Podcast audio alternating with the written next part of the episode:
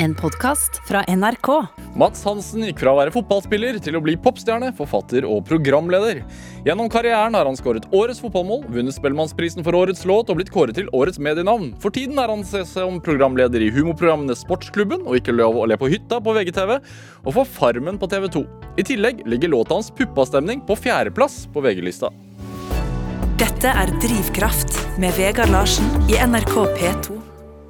Mats Hansen, velkommen til Drivkraft. Takk. Kan jeg få lov til å si eh, innledningsvis at det er ikke min låt? Nei, Jeg vet det er et godt innsalg, men eh, jeg vil gi meg med én låt, og 'Sommerkroppen' er min låt. ja, hva, Så jeg har ikke gått tilbake på det. Hvordan vil du definere altså, Men du er jo en av flere Altså, du har ikke produsert låta? Det er, Jo, jeg, jeg har egentlig produsert den, men ikke synger ikke på den. Nei. Ida Fladen synger på den. Ja.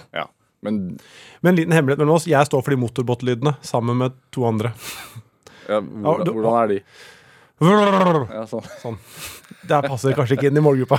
Men er, hvis man er produsent, så er, er man kan Jo, man ikke bli si det. kreditert som det året. det er ikke feil, for så vidt, men eh, jeg vil bare Jeg har vært veldig eh, strikt på at jeg skal kun gi ut én låt.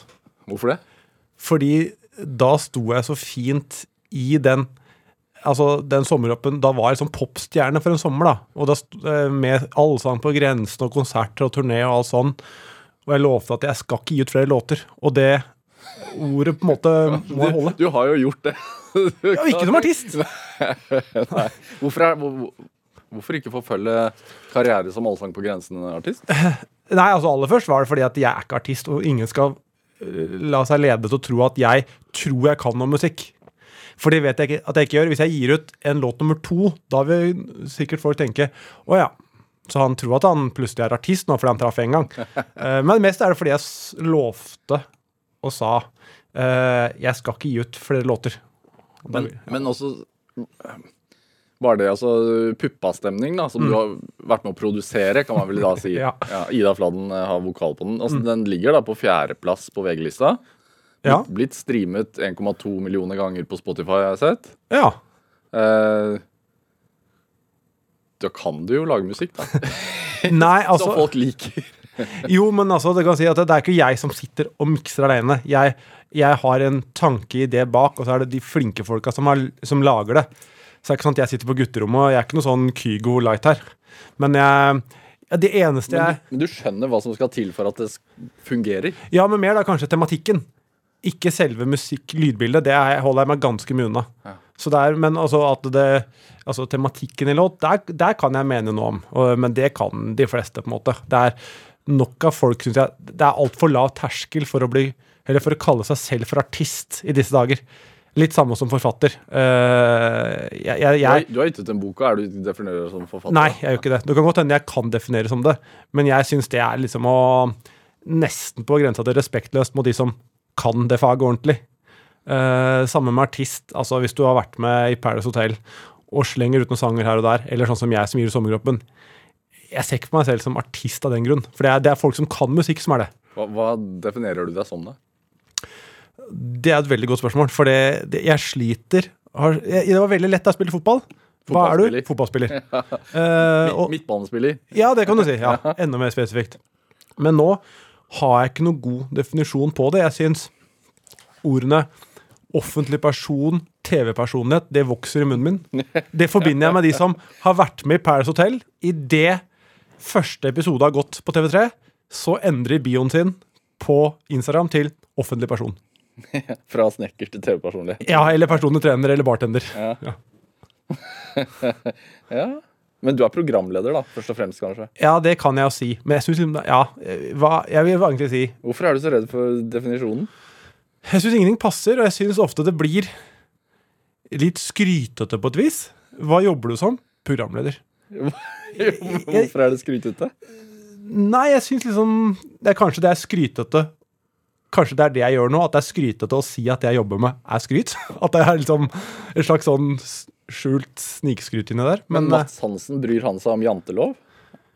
eh, ja, altså det største misforståelsen er at jeg ikke bryr meg om Eller jeg syns at folk skal få lov til å tro at de er noe. Men det, når du snakker om jantelov, det jeg føler mange bruker den som en unnskyldning. Hvis de gjør noe teit og får kritikk for det, så blir det ofte snakk om Nei, det er janteloven.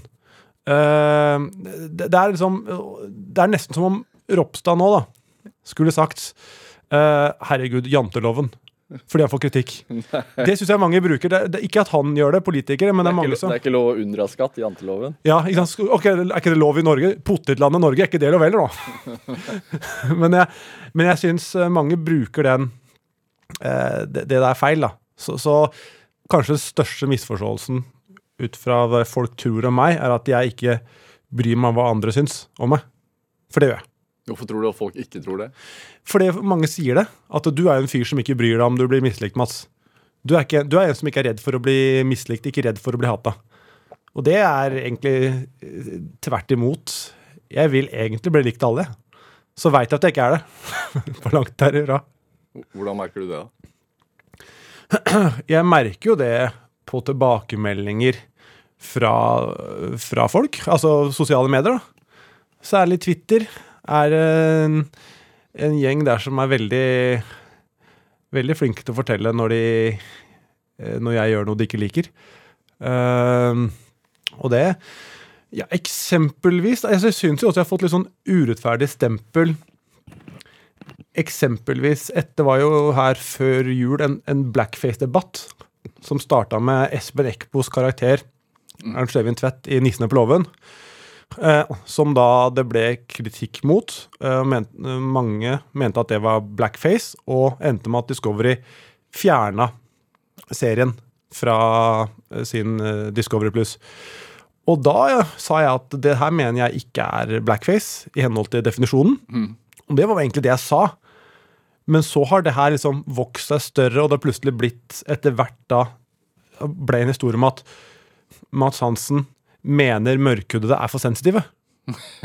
ikke sant? Og da, da baller det på seg, så vokser det seg større enn Og meg. akkurat, akkurat det er ikke noe godt å stå i. Nei, det er ikke det, for jeg syns det, er- det er helt feil. Jeg syns ikke det er feil, det er feil. Og, og da har det blitt hos noen da Altså at jeg plutselig da Og så går det videre til at jeg er plutselig rasist, jeg, da. Ikke sant? For det, det vokser, de historiene der. Eh, og de får ikke jeg demontert når det blir såpass storskala som ble da, for det er en sånn betent debatt. Og det syns jeg er kjipt. Men er det Du kunne jo latt være å mene da, noe om det, da. Du vet jo at det kan bli kontrovers. Ja, eh, men det var liksom også litt av Jeg har jo en ekstrem rettferdighetssans på et vis her. Eller ikke på et vis, jeg har det.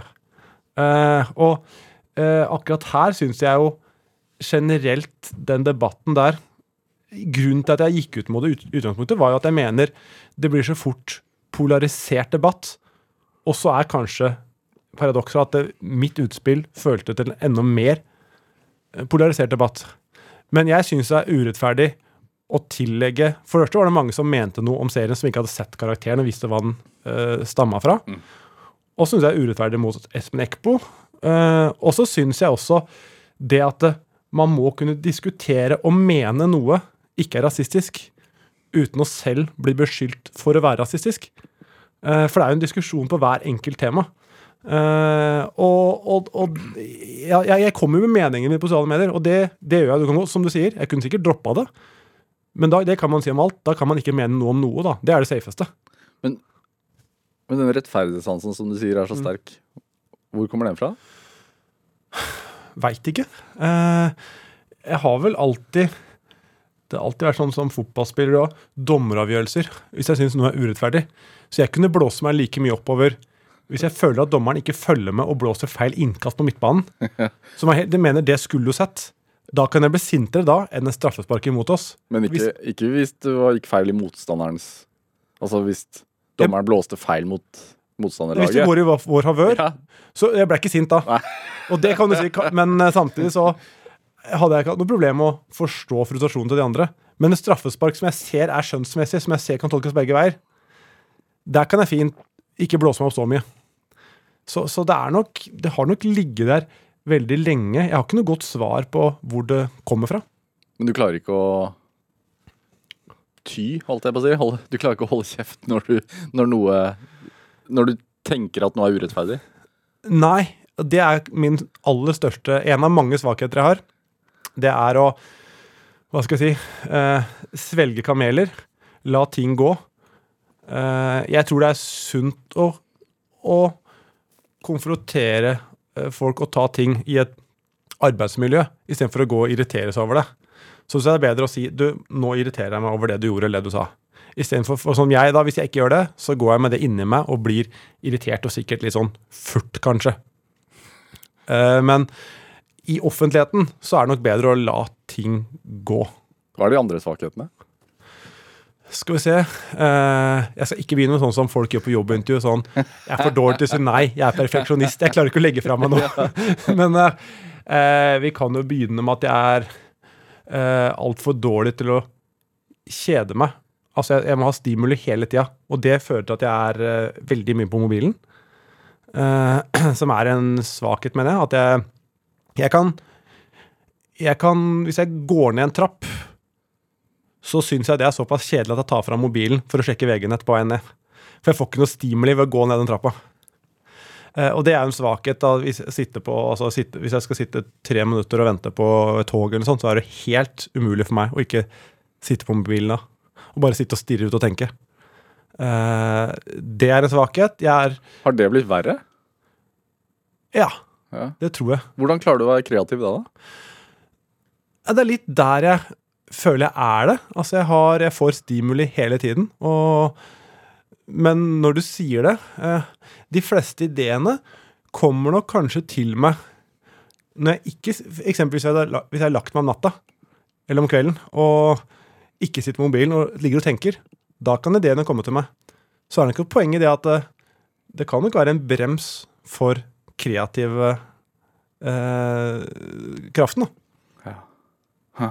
Hvordan er, altså, du har unger, og er du på mobilen da? Eh, ja, og det er jeg veldig bevisst på, men det er, også, det er en ekstremt dårlig egenskap. Å sitte og sjekke ja, og sjekke mobilen med barn til stede. Og det, det, det er sånn Det er forresten vondt av å tenke på at det har helt sikkert skjedd hvor eh, en av de skal fortelle en historie. Eller fortelle noe. Men er det ikke litt sånn også at man unner seg Nå unner jeg meg fem minutter på mobilen, for dere bare leker borti et hjørne. Jo, det kan du jo si, men det, de fem minuttene der er jo ikke noe jeg trenger. Eh, Eller, altså, det, det, selvfølgelig, mange av timene på mobilen er jobb i form, form av mail og, og den type ting. Men det er veldig mye unødvendig også. Så det er, det er kanskje den dårligste egenskapen. Og der er jeg sikkert ikke aleine heller. Du har over 500 000 følgere på Instagram. Hvor Er det en, jobben din? Nei, jeg tjener ikke en krone på det. Uh, men du kan si at uh, jeg eh, Jeg tjener ikke en krone på det, men det er fordi jeg ikke gjør reklame eller spons der. Men det har, er utvilsomt en promoterings- og markedsføringskanal. Ja, det er selv Ja, jeg tenker på prosjektene. For eksempel, du nevnte Puppastemning. Ja. Uh, den sangen der, Puppastemning, og si det bare sånn helt casual uten å det, det vokser i munnen min, det òg. Men si ikke lov å le på hytta, da. Ikke sant? Der har jeg trøkka på ganske bra, og jeg når ut til 500 000. Eh, så det er ikke tvil om at det har hjulpet eh, det, meg til å nå ut med det budskapet til mange flere. Mm. Eh, og så er jeg ikke så aktiv, egentlig, på sosiale medier som folk tror.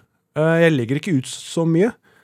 Eh, men det er jo, har jo utvilsomt vært et viktig verktøy for meg. Har du, har du, Hvor mange kontoer Har du en privat konto også? Nei, jeg har ikke noe Mats Hansen Priv. Jeg har den åpen for alle, men jeg deler ikke noe privatliv noen steder. Dette er Drivkraft med Vegard Larsen i NRK P2. Og I dag er eh, programleder i VGTV og TV 2, Mats Hansen, her hos meg i Drivkraft på NRK P2. Blir programleder, altså. Det blei det. Ja. Ja. Får venne meg til Det var greit. Ja. Men jeg bare tenker sånn som uh, puppastemning. Skal ikke snakke all verdens om, om Jeg blir flauere hver gang du sier ordet. Ja. Sitte i studio her og snakke om det er helt uironisk. Hvordan er det Hvor sikker var du på at uh, det kom til å bli en hit, som det jo nå allerede har blitt? Uh, nei, jeg var Jeg syns jo det var en fengende låt. Uh, og det er jo alltid et godt tegn også. Eh, måtte vi jo Målet vårt var egentlig Vi fikk jo Sommerkroppen, det blir nummer én på Spotify. Og Juletragedien, det blir nummer én på Spotify. Eh, og også Puppastemning, det blir nummer én på Spotify. Eh, og vi tenkte jo mest som et sånn kult innhold til programmet, og gjøre det på en morsom greie, å lage en sang uten at Ida visste om det. Vi brukte jo et halvår på å få henne til å si alle ordene i sangen uten at hun visste om det selv. Vi syntes det var et morsomt stunt. Altså Sportsklubben, som er redaksjonen du jobber i i VG. eh, Ja, et ja. av programmene. Ja. Vi skrev jo, lagde den låta i februar, Og så brukte vi hele første halvår til å få Ida eh, på kamera til å si alle verselinjene uten at du visste om det. Og så dytta vi det inn i autotune, så ble det en sang. Uh, så det, det syns vi er en morsom greie. Så, og så veit vi også at vi har jo mange kontoer, mange av oss har mange følgere, så man får jo mye gratis. Det skal nesten godt gjøres å ikke komme høyt opp på listene, såpass mange som vi når ut til. Eh, men uh, nå har vi som jeg har sunget, Folle har sunget, Ida. Nå må vi gi oss. Det sa vi etter juletragedien også, til Folle. Men uh, nå, må vi, nå må vi gi oss. Men jeg, tenker tenker sånn, sånn Artister prøver uh, Jobber dag inn, dag ut med å slå gjennom. Drømmer om å liksom nå toppen. Eh, så fleiper det dere til Fleiper det dere opp, da? Ja, vi gjør jo egentlig det. Ja. Men igjen, jeg synes det, vi står ikke i veien for noen. Nei, nei, nei Det er det jeg mener er Altså, det er ikke noe kritikk av det. Jeg synes det er mer fascinerende at det, at det på, mange måter kan være så enkelt. Ja, men det er, ikke sant? det er fordi eh, Det er to grunner. Det ene er selvfølgelig promoteringsstyrken vår. At vi har mange følgere og hele greia der. Og så mener jeg også det tematikken og temaet tema og humoren for så vidt i sangen uh, syns folk er gøy. Og så har vi jo tenkt såpass, ta den låta der spesifikt, da. Vi, har, vi er jo såpass, såpass bevisste på Vi ønsker å lage en låt som jenter kan ta eierskap til og vil spille på vorspiel, men samtidig ha elementer i sangen som gjør at gutta også syns det er gøy å synge til den på vorspiel. Så vi er liksom markedsbevisste når vi skriver en låt, har utgangspunkt der, og så lager man en låt, eller lager en låt som vi syns er gøyal. Hvor positivt er det at det også ble debatt rundt det? Altså For sangens del, altså etter det der, så mener jeg det var utelukkende vinnere, bortsett fra meg. Eh, Jeg mener låta fikk PR, sportsgruppen sportsklubben fikk PR, Ida fikk sympati. Selv, altså, jeg ble fremstilt ble som sånn frontfigur for de greiene her, og ble fremstilt dårlig. Så jeg kom tapende ut av det. Resten kom vinnende ut av det. Hvorfor var det du som tapte? Fordi eh, mange eh, Jeg var med Ida på God morgen Norge, og mange da har, det har, Kritikken har gått på, for de, de som ikke har fått med seg den, da, at dette var et gruppepress, og det var flere menn som tvingte en ensom jente Til, å gjøre noe hun ikke ville Ja. gjøre. Ja. Eh, ikke sant? Og det er kanskje historien som kommer ut. Men det presset Ida følte på, det var eh, utelukkende Vi har lagt så mye tid og krefter i det, og brukt så lang tid på det. Tenk hvor skuffa vi kommer til å bli hvis hun sier nei. Og det var reelt òg. Vi hadde blitt skuffa. Men vi sa aldri det til henne. Men hun kjente på det på samme måte som hvis La oss si noen har eh, overrasker deg med bursdagsgave, da har planlagt en en ukes tur et eller annet sted, brukt masse tid på det. Så har du egentlig ikke lyst, men du føler at du skuffer dem hvis du da sier 'dette gidder jeg ikke'. Ja. Det var den Ida kjente på. Jeg mener det er en vesentlig forskjell på et ytre press og et indre press. Uh, og det blei tatt helt ut av proporsjoner når, når folk snakker om uh, dette er overgrep, og til og med blir det sagt eh, neste voldtekt som skjer, er Mads Hansens ansvar. På bakgrunn av det vi gjorde der. Eh, og så er det jo klippa til. Eh, Ida ville jo ikke at noen skulle tro at eh, hun OK, jeg gir ut en sang, da. Jeg vil egentlig gi ut en sang. Så hun var opptatt av at det skulle vinkles og klippes som at hun Dette er noe hun ikke vil. Det, og det var for så vidt riktig, men det er klippa ekstremt for å få fram det. Så de momentene hvor hun sier ja, er jo ikke med. Men hva, går det inn Altså du, du sier at alle kom heldig ut av det, bortsett fra deg. Hvordan, Mm. Men går det inn på deg når, når du får den type kritikk? For det er jo noe av det verste man kan høre. Ja, jeg syns det er kjipt. Én ting for det jeg, jeg sa innledningsvis, eh, at jeg har lyst til å bli likt alle. Og da er det folk som syns jeg er en dust. Jeg syns ikke det er noe gøy. Uh, I tillegg syns jeg at det er urettferdig. og Da kommer rettferdighetssansen inn. Uh, jeg syns det er urettferdig å eh, trekke paralleller mellom å få overtale, kan vi kalle det, noen til å gi, synge inn en sang, og trekke paralleller til et overgrep. For det er to forskjellige ting. Eh, og du kan si ja, det er Og, spesielt siden eh, Ida og vi eller Ida har alltid vært opptatt av hun skal bli behandla som en av gutta. Jeg ser på Ida som en kompis, ikke som en jente.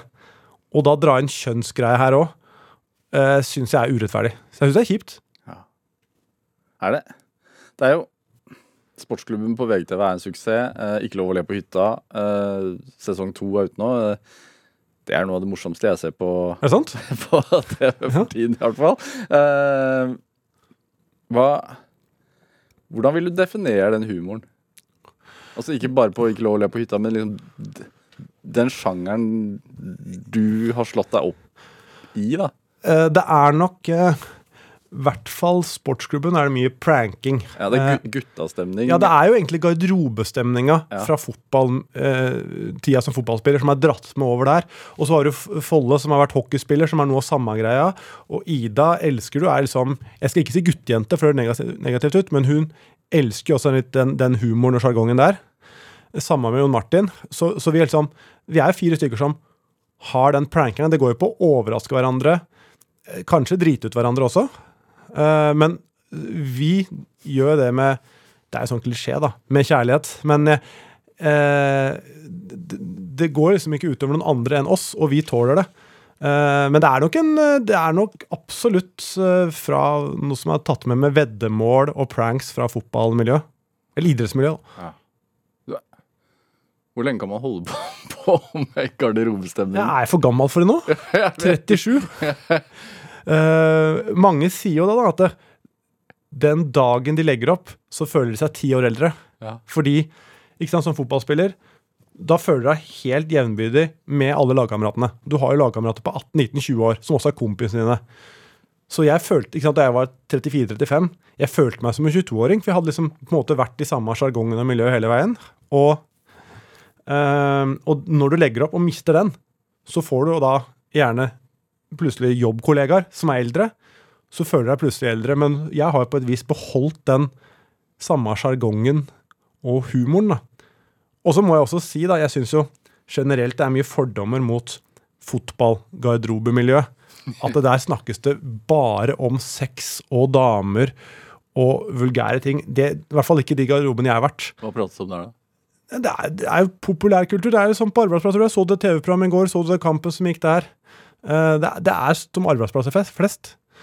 Eh, så, så jeg tror eh, Jeg tror det er litt sånn misforstått, at det er veldig, veldig sånn plumpt og flat, flat humor, da. Det, det tror jeg ikke. Ikke noe mer enn andre steder. Men hvordan jobber dere Jobber dere med sportsklubben? Vet du hva, Det er et godt spørsmål. det, uh, ja, det, altså det er jo en redaksjon som sitter her med fotograf, produsent og som, som produ, eh, Det er vel, en, det er vel fem stykk, fire stykker som jobber hele tida. Og så er det vi andre som da Stort sett så lager vi jo ett program i uka, og så har vi én dag i uka hvor vi spiller inn såkalte Weber, da, eller innslag. Og så utenom det så er det liksom idémyldring. Jeg Det er veldig sånn Hvis det er en idé på kvelden, sender man en messenger For eh, eksempel. Eksempel puppastemning. Hva om vi lager en sang til Ida som hun ikke vet om, og får henne til å synge den? Ja. Eller eh, hva om jeg eh, tar med lillesøstera til Erik Follestad på date uten at hun veit om det? Eh, eller det kan være skjult kamera-ideer. Eh, så sender man en melding, og så drøfter man det. Så det er veldig sånn Jeg syns jo generelt det er altfor mye møter, jeg, da. I, I hvert fall Nå har ikke jeg vært på alle arbeidsplasser, men i hvert fall innenfor media måten jeg fungerer på, at ideen kan komme til deg like gjerne på kvelden. Det å sitte i et møte Ja, jeg kan skjønne et brainstorming-møte. Post-it-lapper er, ikke kreativt, altså? Det kan komme med det, men jeg syns ofte ideene kommer De kommer hele døgnet. Og da bare Det er iallfall sånn jeg funker, da. Og bare sende det inn. Så, så sportsklubben, for meg og oss som er på skjerm, er eh, lite jobb. Generelt så mener jeg Nå vet jeg ikke hvem som nødvendigvis hører på dette, men eh, Om mulig jeg liksom blir litt utstøtt nå, men jeg har et inntrykk at i media i, i, i, Når jeg sier media, så mener jeg TV-produksjon jobbes det generelt lite. Det er en brannfakkel, men uh, i Altså I VG, Du får snakke om VG. Det er- Nei, sånn for jeg har vært mange VGTV. Nei, jo, med VGTV, der er det få som jobber Som gjør mange jobber. Jeg har vært i større produksjoner hvor det er Jeg, tror, jeg kan ikke skjønne at alle de stillingene er helt, helt årsak, da. Jeg mener om det er liksom Ok, prodasser her. eh, det er, og Nå snakker jeg ikke om Farmen, for nå er jeg Farmen, så tror folk, folk seg truffet av det. Men generelt så føler jeg at det er mange sånn nesten alibi-stillinger. Jeg tror, jeg tror det har vært mulig å løse to eller tre av de stillingene i ett årsverk. Uh, jeg synes det Nå blir du, nå blir du populær på arbeidsplassen, Hansen. Jeg mener at mange Eller jeg tror at det er en sånn slags hemmelighet i, i mediemiljøet at ingen håper det blir avslørt, for da skjønner de at det, fader, vi hadde jo klart oss med halvparten av budsjettet og halvparten av folka. Men så lenge ingen sier noe, så fortsetter det. Ja, nei, folk var uenige om det der. Men altså, jeg, jeg, tenker, på, jeg tenker på karrieren din. Eh, egentlig utgangspunktet fotballspiller. Mm. Eh, og så har du sakte, men sikkert eh, slått deg opp og fram i media. Hvor lett har det vært? Eh, Du, sel- du selger deg jo selv på, på forsiden av boken din, f.eks. Altså, Mm. uh, husker ikke ordrett hva som står der på, på fronten, jeg, men uh, ja, det er fra en middelmådig fotballspiller via Spellemann, bla, bla, bla, til Ja. en halv million følgere eller noe ja. Det er altså lett. Jeg vet ikke hva jeg skal si, for det har vært, det har vært, veld, det har vært veldig lite motstand. Jeg har hatt veldig lite motstand i livet Eller motgang, er vel rett å si, eh, i livet mitt. Eh, og så også her, så kan du jo si eh, Jeg har truffet Jeg har hatt flaks med mye. Eh, men så tror jeg også at jeg har alltid gjort så godt jeg kan med alt jeg driver med. Da jeg spilte fotball, så gjorde jeg så godt jeg kunne der. Når jeg da tapte et veddemål og måtte gi ut en sang, så tenkte jeg da skal jeg lage den så bra som mulig for å få så mange streams som mulig. Når jeg først gjør det. Eh, og så gikk jo den bra, ikke sant? og da fikk jeg plutselig ble, Etter Sommerkroppen så fikk jeg en mye bredere appell. Jeg hadde en sånn nisjemålgruppe, man kan kalle det det, før. Eh, ikke sant? Og så Ja, og så, så har jeg vært eh, vært heldig her med timing hele veien. Vi skal spille litt av Sommerkroppen, ja, fordi vi har pratet både om den og Puppastemning nå uten å, uten å få høre noe. Og den, den låten, som de sier, var et produkt av et veddemål. Mm. Du og uh, Erik Folstad. Erik Folstad, som du jobber sammen med, Mm.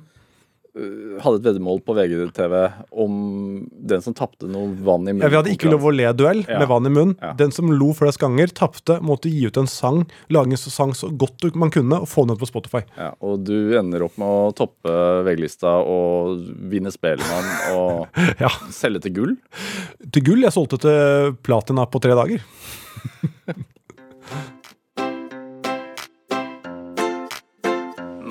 Flommarsj her, altså.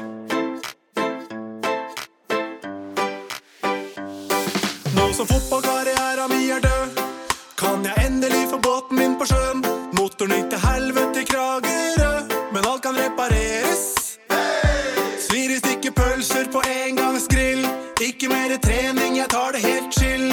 Skal jeg få sommerkroppen som jeg vil, så må jeg opereres. De har en klinikk for meg på Majorstua. Meg så utrolig bra. Du kan stikke og trene noe squats. Jeg skal opereres.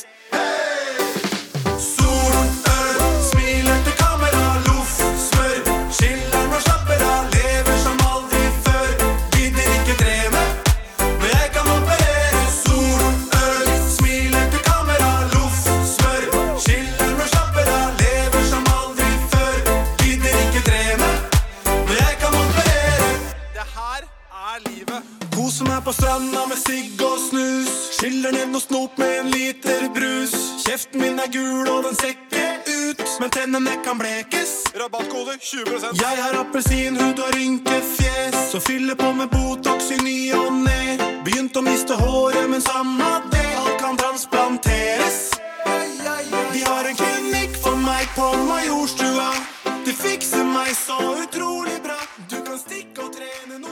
Ja, Du fikk en smakebit av Mats Hansens 'Sommerkroppen' her i Drivkraft på NRK P2. En låt vi spiller i dag fordi at Mats Hansen er dagens gjest. Trenger ikke å unnskylde at dere spiller den. Altså, den bare, bare stå for det. Jeg, jeg står for det, men det er jo en grunn. Ja. Du er grunnen i dag. For den er ikke på rotasjon nå. Nei, I september, Har den, vært det på, har den vært det på P2? Jeg tror jeg aldri har vært det. Jeg tror den bare ble spilt de gangene jeg har vært gjester. Men hva var det du sa mens vi spilte den der? Den historiens raskeste salg til platina Ja. i Norge? Ja, Foran a-ha, foran alt? ja. ja, eh, den, ja den, det gikk helt ellevilt i starten her, egentlig hele sommeren, men eh, jeg tror første døgnet, da, da, hadde vi, da var norgesrekorden. Jeg tror Kygo hadde den på 300 000 streams Ja. eh, på et døgn. og vi hadde 750 000. så det tok jo Altså, platina er vel 3 millioner streams, og så er gullplate 1,5, tror jeg, eller noe sånt. Hva, da, men da treffer du jo, da. Du treffer noe i folkesjelen på et vis. Mm. Hva, hvem er nordmannen, som du ser det? Eh, I hvert fall da så var det blitt veldig Det har blitt et sånn narrativ med bloggerne mot meg. Og da var det et tidspunkt hvor bloggerne var veldig store. Det var en sånn Jeg tror det var en sånn metning hos folk på bloggere og influensere og det de predikerte med eh, plastisk kirurgi, reklame, den slags. Så jeg, jeg traff jo Det det er jo en veldig åpen dør å kritisere bloggere. Men det var ikke så mange som hadde gjort det likevel. I hvert fall ikke på den plattformen, fordi jeg tror det har noe med De har veldig intense og store følgermasser, som gjør at det blir veldig intens motbør. Eh, så, det, så det her lå liksom som en sånn bakteppe før den sangen. Og det var jo på en måte en ironisk kritikk av plastisk kirurgi og bloggerne. Så det traff veldig mange veldig bredt. Men tror du folk hører på den og, og tenker Leser den som mediekritikk eller eh, bloggekritikk, da? Ja. Ja. Også fordi jeg, for, jeg fortalte om det i forbindelse med lanseringa, men det tror jeg de gjorde i hvert fall da. Ja, fordi du er du, du har Også på Instagram Mm. så er du Du har vært en slags sånn Instagram-politi, eller sånn bloggepoliti. Ja, og jeg liker jo ikke det begrepet, men jeg har på en måte blitt det. Fordi jeg, egentlig det jeg gjør jeg, Hvis folk legger ut post uten at annonsøren er tydelig merket, så kommenterer du det, og ja. Ja, men det har jeg nok sant, lagd et par Folk gjør det hele tida, Ja. men eh, det blir ofte så stort når jeg gjør det, for jeg har mange følgere. Ikke sant, at hvis jeg, Ofte så er det egentlig mest humor. Hvis det er en, en influenser eller blogger som gjør noe teit eller sier noe Eller at det ligger et humorpoeng der, så legger jeg ut. Det er veldig sjelden det er ren kritikk. Eh, men det er de som gjerne blir oppmerksomhet ut av, da. Uh, så og- Men det har ikke vært noe sånn mål om å være noe politi, eller noe sånt, så skjønner jeg at folk ser på meg som det. Men det, jeg syns det er nesten litt sånn flaut å høre. For det, jeg er ikke noen som vil være noe lovens lange arm på Instagram og, og liksom fortelle folk når de gjør en feil. Men jeg, jeg mener jo generelt at eh, hvis vi skal snakke om influensere og bloggere, at de tåler kritikk veldig dårlig og går i offerrollen på ting som er I hvert fall jeg prøver å kritisere de for eh, ting de sier og gjør, ikke det de er. Som jeg syns er en vesentlig forskjell. da. De ytrer seg tross alt i offentligheten. Eh, de lever av det, tjener penger på det. Og da mener jeg altså at de må tåle, på samme måte som en politiker som ytrer noe rart eller kritikkverdig, får kritikk, så må en blogger eller influenser også tåle kritikk på det. Hvor, hvor, men hvor stor del av det har det vært for din Altså Du har skrevet bok om å slå deg opp og frem på Instagram. Hvordan, liksom, hvordan bli stor på Instagram? Da? Hvor stor del av, det har vært en, en del av din suksess? Eh, jeg tror det har vært en ganske stor suksess. eh, I hvert fall i startgropa der. For liksom, det blei, som jeg sier, da, det blei mange eh, Jeg var den første som gjorde det. Og da var folk drittlei, og da blei det liksom en sånn Folk sto bak meg, liksom, i min kritikk, da. Eh, og også til tider latterliggjøring. Så det har utvilsomt vært eh, Det er jo ironisk at de jeg på en måte har kritisert, de har samtidig også vært et form for den kritikken har vært en form for springbrett til meg for å få flere følgere, som igjen gjorde at Instagram slo så hardt, som gjorde, nei, som gjorde eh, sommerkroppen, som igjen gjorde at jeg fikk en bredere appell, og de jobbene jeg kanskje ikke heller ville fått. Så det er jo en, en dominoeffekt der, da. Du, du er fra Drammen? Ja, eller Lier. Ja. Hvor- hvor- hvor- Hvordan var barndomshjemmet ditt? Eh, det var eh, Jeg vokste opp på Tranby, eh, som er mellom Oslo og Drammen. Det var Hva slags sted er det? Tranby det er et sted med skal vi tippe 7000 innbyggere. Når man passerer Liertoppen på E18, så legger det på høyresida av motorveien når du kjører fra Oslo. Jorder? Nei, det er vel Jordene er som regel lenger ned i Lier. Det er et tettsted. Ehm, jeg hadde en helt super oppvekst med Jeg hadde jo halvsøsken, men var på en måte enebarn. Og fikk eh, foreldre som fulgte med på alt, var med på alt av fotballkamper, stilte opp på alt, var oppmenn. eh, ja, var med på alt, egentlig. Ja. Så jeg følte meg alltid veldig Hva gjorde foreldrene dine da du vokste opp? eh, hva de jobba med. Ja. Faren min eide, eller var daglig leder for et firma, elektrikerfirma i Sandvika. Mora mi var hjemme med meg første um, fram til jeg var sju-åtte eller sånn. Så jobba hun litt på regnskap og lønninger. Gikk ikke i barnehagen og sånn, du? da? Jo da, Ja, du gjorde det det. gjorde jeg. Ja, heller var egentlig fra jeg begynte på skolen, da. Så jeg gikk ikke på SFO. Eh, så nei, jeg hadde en veldig trygg oppvekst og et stort barndomshjem med eh, sånn jeg Etter å ha sett det litt sånn utenfra ettertid, veldig mye pyntegjenstander. Jeg tipper det er norgesmesterskap i pynte... Eller nips tat-tat per kvadratmeter. Så det Når vi nå Har det forfulgt deg? Er du På ingen måte, Det snarere tvert imot. At jeg har sikkert altfor lite nips Ja. pynt. Uh, men det å, å rydde ut og flytte ut av barndomshjemmet nå i fjor, uh, det tok tid.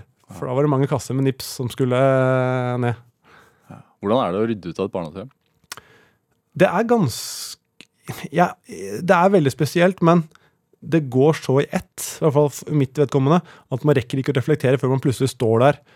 Så det var liksom vemodig siste dagen. Overlevering av nøkkelen. Da liksom skjønner man det er siste gang jeg skal stå inne her. Her har jeg her, ble liksom, her satt jeg på gutterommet. Her fikk jeg den beskjeden. Her gjorde jeg det. Husker, jeg har jo minner om, i alle rom. Eh, Men fikk liksom ikke Jeg skulle ønske jeg hadde tatt meg bedre tid til liksom å reflektere mer. Og tatt på en måte Det høres jo teit ut, men tatt, tatt et slags farvel med hjemmet på en annen måte. da. Liksom Gått mer gjennom rom for rom, tenkt over det. Nå ble det litt sånn hast, og så rakk jeg liksom å ta to minutter og bare gå gjennom fort før vi leverte nøkkelen. Så veldig rart. Tok du noe med deg? Uh, ja, altså det, ja, jeg har tatt meg ikke noe sånn spesielt som et minne, men jeg har jo ting uh, derfra uh, Altså noe som mine barn Som jeg lekte med da jeg var liten, som mine barn har nå, liksom. Men eh, Nei, det er spesielt. Jeg bodde der da Flytta inn i 89. Var jo 30 Og så solgte i 2020, da. Mm. Så det er 31 år, da. Mange minner som sitter i veggene da. Ja. Er du Er du nostalgisk, da? Ja, jeg er det. Eh, jeg, jeg blir fort eh, nostalgisk med eh, Altså, mimrer tilbake Hvis jeg hører sanger, mimrer tilbake til sinnsstemninger Jeg klarer ikke å sette fingeren på men det er noen sanger som gir meg gode sinnsstemninger. Jeg tenker, Da jeg sikkert, hadde jeg gode opplevelser og en god tid når jeg hørte på den. Uh, så liksom, Musikk er jeg veldig nostalgisk på. At jeg tenker tilbake til den sommeren man hørte på det, eller ja, og også eh, rar følelse når du spurte om ting jeg hadde med meg. Det, det, det kan jeg egentlig ikke helt forklare, men jeg husker bare en sånn barnebok eh, med sånne figurer eh, til ett til to år. Den hadde min datter også mm, nå. Og, måtte, og der da, da kjente jeg, fikk jeg føl, en, sånn, en eller annen følelse og en lukt som jeg kjente igjen fra åpenbart da jeg holdt på med den. Jeg, jeg, jeg har ikke noen minner fra det, men jeg, jeg kjente igjen den følelsen da jeg så de figurene. Eh, og den ble selvfølgelig revet i stykker og ødelagt, så den måtte jeg kaste. Det var liksom litt vemodig. Du var åpen, i, I boka di så var du åpen om at faren din gikk bort. Mm. Og, og du sa jo tidligere at du er en person som deler veldig lite privatliv. Mm. Men hvor, hvorfor var du, valgte du å gjøre det? Eh, jeg har jo tenkt at eh, hvis jeg først skal dele noe, så skal det være en egen bok hvor jeg kan eie sannheten og liksom fortelle den uten at det blir noe vinkling og blir dratt ut av kontekst.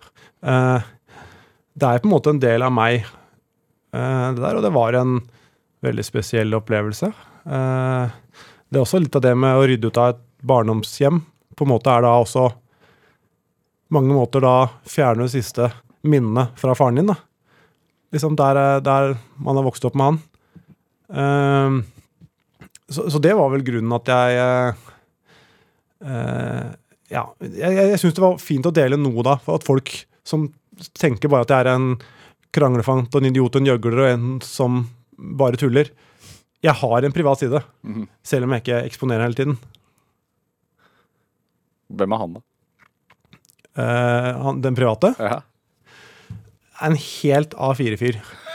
altså, som ikke noe spennende med, er eh, Nei, jeg stiller opp så godt jeg kan, men det gjør alle, føler jeg. Uh, alle privatpersoner og familiefedre. Uh, opptatt av å verne om privatlivet, da. Ja.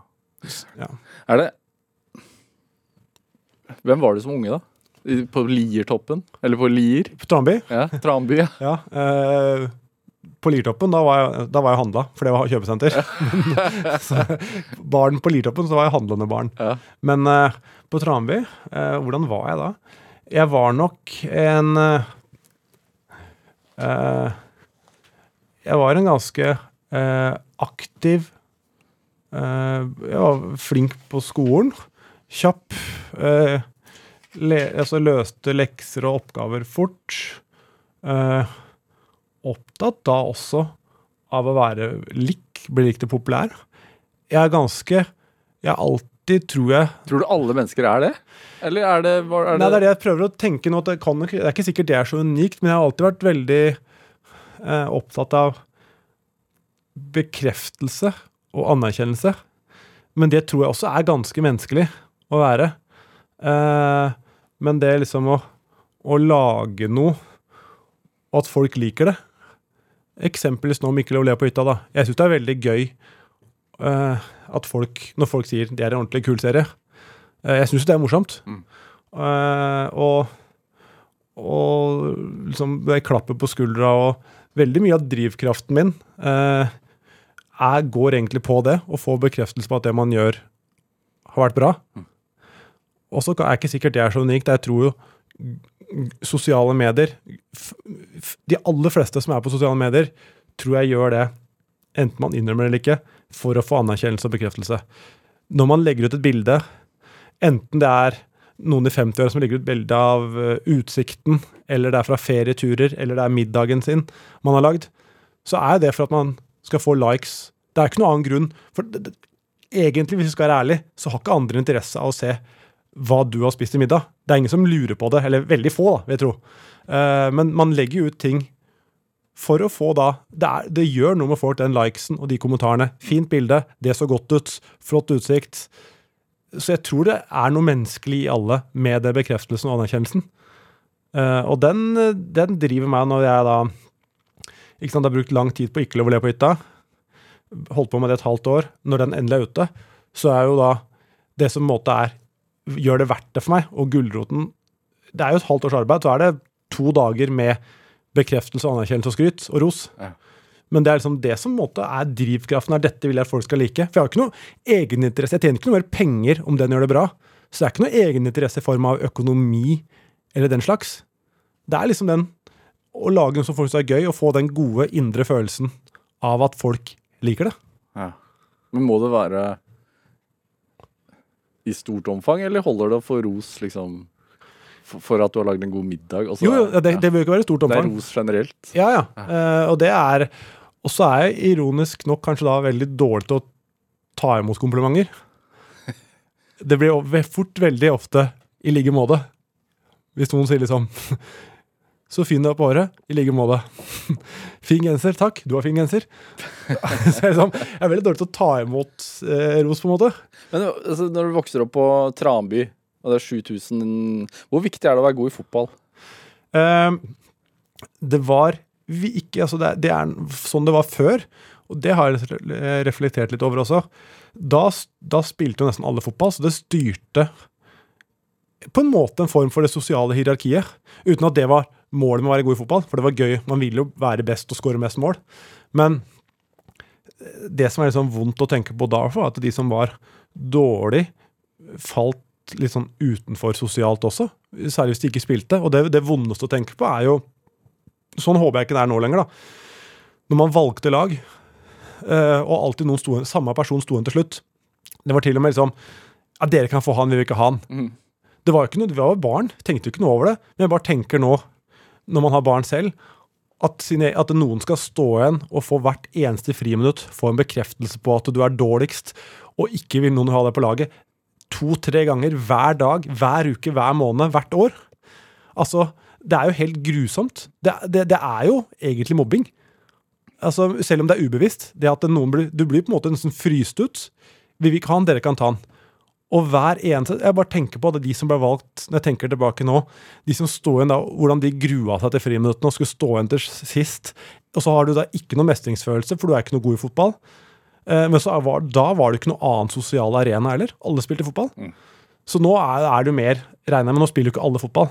Jeg vet jo ikke, altså jeg, jeg er fra Sarpsborg, i hvert fall sånn det var på min tid. Jeg er født, i- født i 81, så vi er ikke så langt unna hverandre. Da var det jo hvis du Man trengte egentlig nesten ikke kunne lese så lenge man var god i fotball. Ja, det er jo, man, liksom, det, man, man kan jo si det er karikert i sånne high school-filmer og sånn, at liksom quarterbacken er dum som et brød, men får damene å lykkes likevel. Det er ikke så langt unna sannheten, i hvert fall sånn det var før. Hvis du var god i fotball da, så var du populær. Var det noen gang du ble stående igjen? Nei, jeg var eh, blant de beste på barneskolen. Så jeg var nok den som eh, dessverre ofte valgte lag. Det var ofte liksom de som eh, var best og ivrigst, som liksom hadde på en måte den eh, Jeg skal ikke bruke uttrykket makt, men hadde liksom den posisjonen at det, er, han er fussvalg, han er andrevalg. Eh, så sto vi valgte. Så jeg var jo den som Og det, det var jo aldri noen tanke bak det, men som sa dere kan få han, vi trenger han ikke. Vi er gode nok fra før av. Ikke sant? Eh, og det tror jeg ingen barn har ment noe vondt med. Men når man jeg håper i hvert fall lærere og folk i skolevesenet nå Jeg håper ikke det er sånn lenger nå. Eh, så sånn var jeg litt med, med mine barn nå, at jeg håper jeg håper i hvert fall de skulle bli interessert, og, og det var faktisk konkret med fotball. Jeg frykta at uh, min sønn skulle bli uh, valgt sist. Ja. For jeg skulle vondt, og det, det kan jeg tenke meg liksom, å tenke på det alle foreldre, at sitt barn skal stå igjen hvert friminutt og få høre 'vil vi ikke ha han, dere kan ta han'. Altså Det er jo en helt grusom skolehverdag. Men så håper jeg ikke det velges sånn lenger nå, da. Det tror jeg ikke det gjør. Det er i hvert fall en bønn til oppfordring til lærere som hører på nå. Eh, følg med i friminuttene, for det der er ikke bra. Men du var jo Hva gjør man da som forelder, liksom, hvis man opplever det? Nei, det er jo vanskelig hvordan du skal Ikke sant, skal du Ok, du kan Altså, hvis, hvis da barnet ditt ikke er interessert, så er det én ting, men nå tror jeg det er andre arenaer andre ting å gjøre. Men Ja. det går selvfølgelig an å bli med til hagen og spille litt, kanskje. Det gjorde jeg. Eh, men så kan du selvfølgelig også Du kan jo kanskje Det er vanskelig å vite om det, for du veit jo ikke hva som skjer på skolen. Da må jo barna fortalt om det. Ja. Så det er jo ofte sikkert mange foreldre som ikke aner at det er sånn det fungerer. Men du, du kom ganske seint i puberteten. Ja. Så fra å være best, så ble du i en periode Jeg ble ikke dårligst, men jeg ble dårligst, Ja. Uh, Ja, for jeg var jo det, blant de mest ivrige og uh, de beste i fotball. Og det var vi jo hele veien. ikke sant? Og så Første gangen man da vi skulle bli målt, på en måte, få en kall det en objektiv vurdering som fotballspillere, var jo Skal vi tippe det var 13-14-årsalderen. Eh, da det var uttak til sonelag og kretslag. Og da hadde jeg da Da hadde de andre kommet til puberteten, så jeg var jo fysisk underlegen. Og det Da er man ikke like rask og like sterk, som jo er viktig i fotball. Så jeg husker vi var på den soneuttreninga. Da. da var det vel to treninger, tror jeg. Var du bevisst det liksom før det? Eh, ikke så veldig, for det var liksom sånn det er med hierarki i fotball. At den som liksom er best i, i kompisgjengens øyne, er det kanskje selv om man ikke er det lenger, på et vis. Så husker jeg vi var da Det var gjerne fem eller seks beste spillerne fra hvert lag ble samla til en sånn trening. Så var vel 40-50 stykker der. Så var det to treninger, og så skulle det plukkes ned til 30, som skulle være sonelaget. da. Og da løste det med at liksom de leste opp alle navna som var med videre. Fikk man et ark med treningstider, og så gikk man. Og da leste de opp ja, flere og flere navn. Til slutt så var jo alle mine fem lagkamerater lest opp. Og, og så sitter jeg da og åtte-ni stykker igjen som de eneste som ikke er tatt med på sonelaget. da. Og det er liksom første gangen jeg liksom har fått Første gangen jeg fikk vite at jeg, jeg var ikke så god i fotball. Og det var tungt for en som da fotball var hele livet. Så er det en jeg skjønner, altså det er en minimal motgang og motstand sett hva andre opplever. Men for meg da, i min boble, så var det skikkelig kjipt. Er det? Du kom ganske langt i fotball. Ja. Du kom aldri til toppen. Definer toppen, da. Er det som var toppen? Ikke sant? Er, det, er det Messi? Liksom? Ja. jeg blei så god jeg kunne bli. Skåret årets, skåret årets mål et år. Ja, jeg fikk jo spille i Eliteserien Ja. tre sesonger. Ja. Og det var så god jeg kunne bli. Og det var egentlig, jeg, jeg fulgte jo alltid med. Jeg var jo kjempe Stabæk-fan. Men så du det? Altså, tenkte du jeg har de begrensningene, jeg kan nå så og så langt? Nei, Nei. da har man aldri noe, satte meg aldri noe mål på det. Men jeg var jo, ikke sant, da jeg var 20, til og med 23, så spilte jeg tredjedivisjon. Ikke sant, og bare syntes det var gøy. Så det er helt tatt da, som 23-åring, å være i tredjedivisjon og ende opp i, i ja, ti sesonger i Eliteserien og førstedivisjon, er jo ganske godt gjort da. Så jeg, men jeg, jeg da hadde liksom aldri hatt noen drøm annet enn Jeg har alltid vært veldig fan av Eliteserien og Tippeligaen og fulgt den tett. Så det har liksom vært en drøm å spille der. Aldri hatt noen drøm om utlandet. Fikk jo tilbud fra utlandet også. Det var riktignok Sverige og Danmark, da, men likevel. Eh, men det har liksom ikke vært noe Hvorfor hoppet du ikke på det? da? Jeg vil heller spille i Eliteserien. Jeg syns det var gøy. Jeg er hjemmekjær. Eh, så, så, og så er det liksom så relativt Hva er toppen ikke sant, av det å komme til å spille Eliteserien? Er egentlig bedre enn folk tror. Det er veldig sånn norsk fotball er dritt, Eliteserien er dårlig. Men du tenker på hvor mange som spiller, og som slutter før de hele tatt blir seniorspillere, og de som blir seniorspillere, hvor mange som havner i 7., 6., 5., 4. divisjon. Så det å egentlig at, hele tatt komme til Eliteserien jeg, altså jeg har undersolgt min karriere. Jeg var en middelmådig fotballspiller, eh, sett i sammenheng med altså landslaget og den type. Men som fotballspiller, og ha spilt i Eliteserien og førstedivisjon, er egentlig bedre, tror jeg, og vanskeligere enn folk tror. Men det, hele det konkurranse øh, Det å like å konkurrere, da, som man jo gjør når man Mm. spiller fotball på høyt nivå. Ja. Man elsker det jo. Eh, hvor viktig har det vært for deg videre? At, at du ser på ting som en konkurranse? Jeg veit ikke om jeg har noe Jo, jeg har nok et konkurranseinstinkt. Jeg føler alle sier de har et konkurranseinstinkt uansett. Men det er nok den For meg så er det smerten ved å bli slått og frykten for å tape nesten større enn driven til å vinne. uh, som er egentlig sånn usunn, i hvert fall i fotballsammenheng. Jeg tror jeg hadde blitt en bedre fotballspiller hvis jeg hadde vært, hatt mindre frykt for å tape og gjøre feil. At jeg var mer opptatt av det enn å vinne og skape. Men er det sånn ellers i livet også? Fr- Frykter du å gjøre feil? Nei, fordi fotball betydde så mye for meg. Mm. Og det definerte meg så mye som fotballspiller. Eller, altså, så når jeg gjorde det dårlig som fotballspiller, da følte jeg meg dårlig som menneske. Uh, for, for det var alt. Så hvis jeg var dårlig på fotballbanen, da var det sånn, kunne jeg bli flau og føle skam overfor kompiser jeg var og så på, og jeg var dårlig. Flau. Skam. Følte jeg på da. Så det betydde så mye. Så alt annet for meg er rene overskuddsprosjekter og bonus. Så fortsatt nå da, alt jeg gjør nå, føles bare som rein bonus.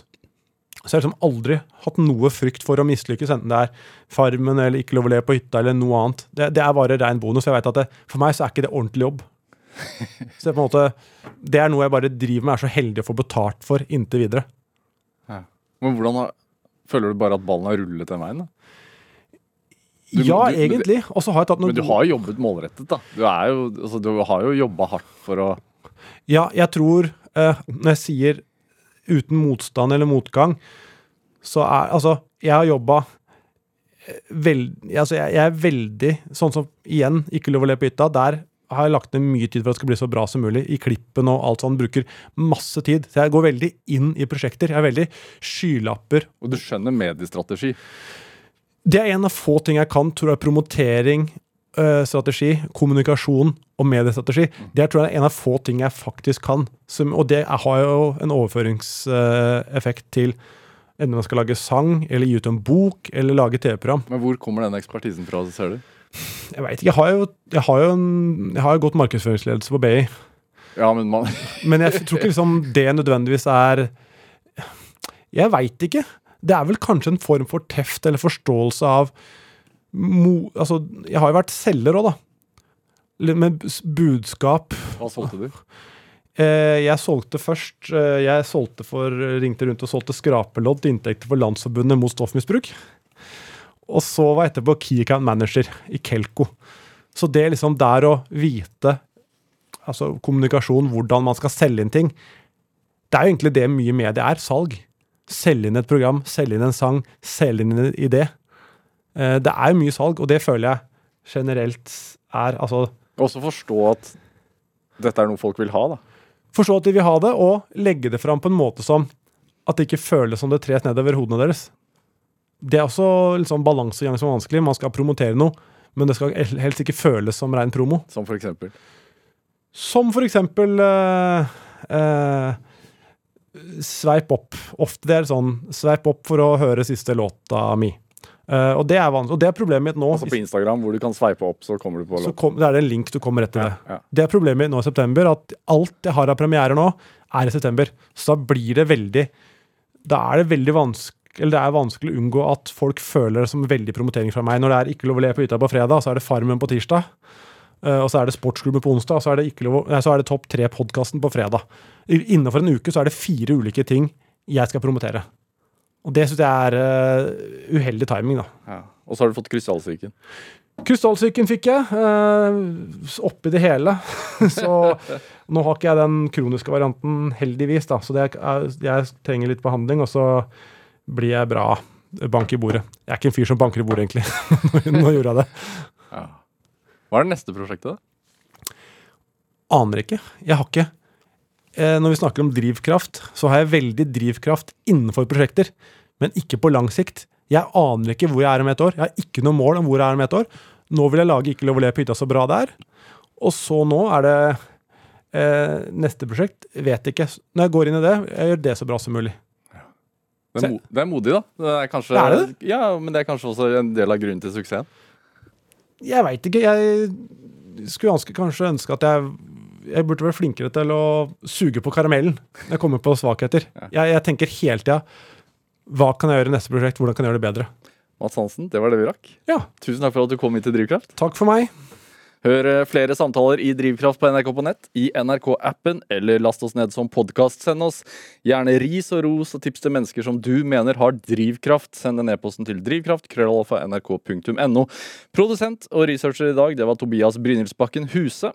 Jeg heter Vegard Larsen. Vi høres. Du har hørt en podkast fra NRK. Hør flere podkaster og din NRK-kanal i appen NRK Radio.